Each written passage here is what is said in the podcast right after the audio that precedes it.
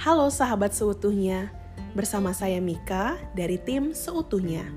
Pada podcast kali ini, kita akan membahas mengenai anak indigo. Apa itu anak indigo? Yuk kita simak podcast berikut ini.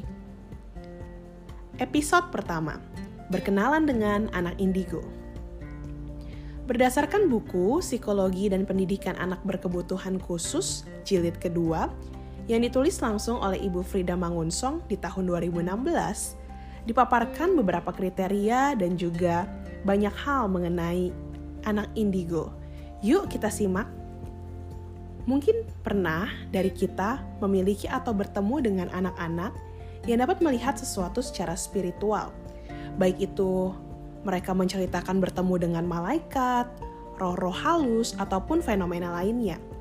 Jika cerita dan fenomena yang mereka angkat kerap kali hal yang serupa, mereka dapat dikategorikan menjadi anak indigo.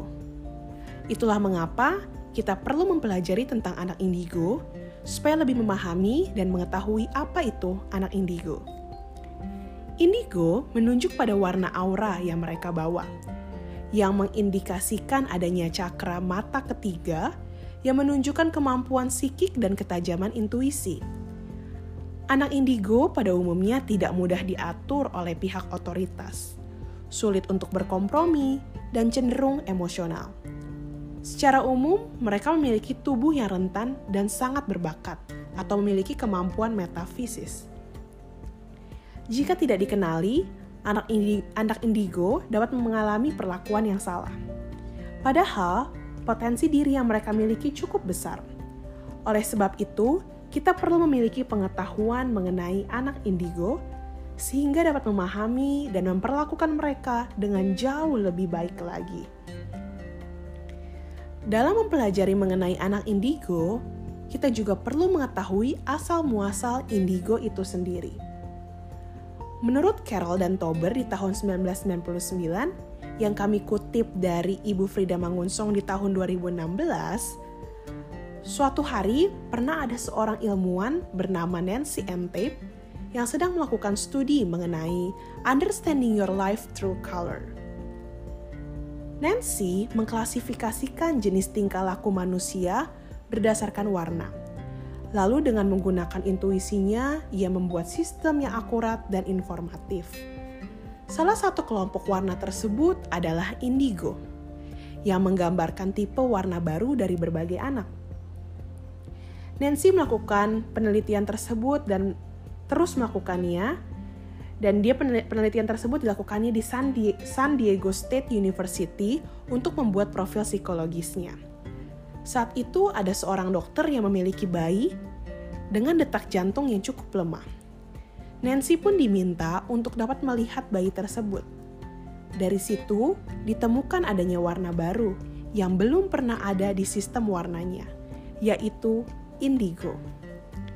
Hal tersebut membuat Nancy melanjutkan penelitiannya dan menemukan istilah anak indigo, yaitu anak yang memiliki cakra warna indigo anak indigo menunjukkan atribut psikologis baru yang tidak biasa dan juga menunjukkan pola tingkah laku yang belum pernah dilihat sebelumnya. Menurut Carol dan Tober, di tahun 1999, ada beberapa karakteristik paling umum dari anak indigo. Yang pertama, feeling of royalty. Anak indigo sering kali bertindak dan sesuai dengan perasaan yang mereka alami. Yang kedua, adanya perasaan layak untuk berada di sini dan merasa terkejut apabila orang lain tidak dapat menyadari hal tersebut. Yang ketiga, merasa diri berharga, berusaha untuk menjelaskan kepada orang tua dan orang terdekatnya mengenai siapa diri mereka sebenarnya. Yang keempat, tidak dapat melakukan hal tertentu, contohnya mengantri. Hal tersebut menjadi sangat sulit untuk mereka lakukan. Yang kelima, tidak menyukai ritual dan hal yang melarang mereka untuk memiliki pemikiran yang kreatif. Keenam, terlihat antisosial, apalagi dengan orang-orang yang dianggapnya berbeda. Ketujuh, dapat melihat sesuatu dari perspektif yang lebih baik daripada anak-anak normal lainnya. Kedelapan, langsung memberitahu apa yang mereka perlukan tanpa adanya rasa malu. Dari sini juga dikembangkan berbagai tipe anak indigo. Menurut Nancy, dalam penelitiannya ada empat tipe anak indigo. Yang pertama ialah humanis. Anak indigo dengan anak indigo dengan tipe ini memiliki jiwa yang melayani masyarakat.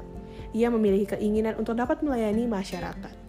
Anak indigo dengan tipe ini cenderung memiliki profesi suatu hari nanti sebagai dokter, guru, pengacara, pembisnis, dan lain-lain.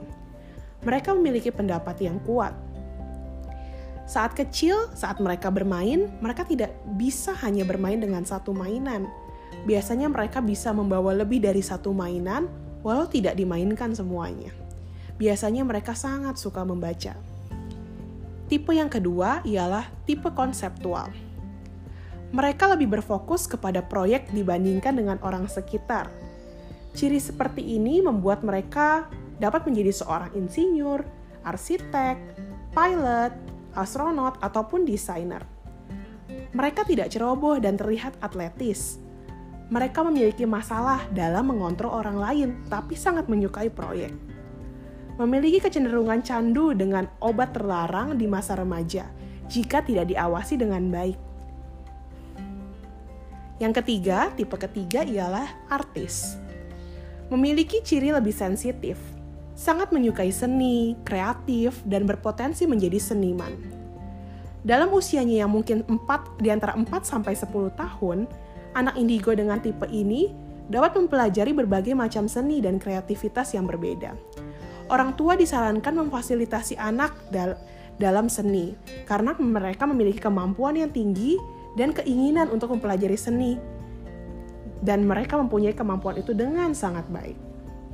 Tipe yang keempat, interdimensional.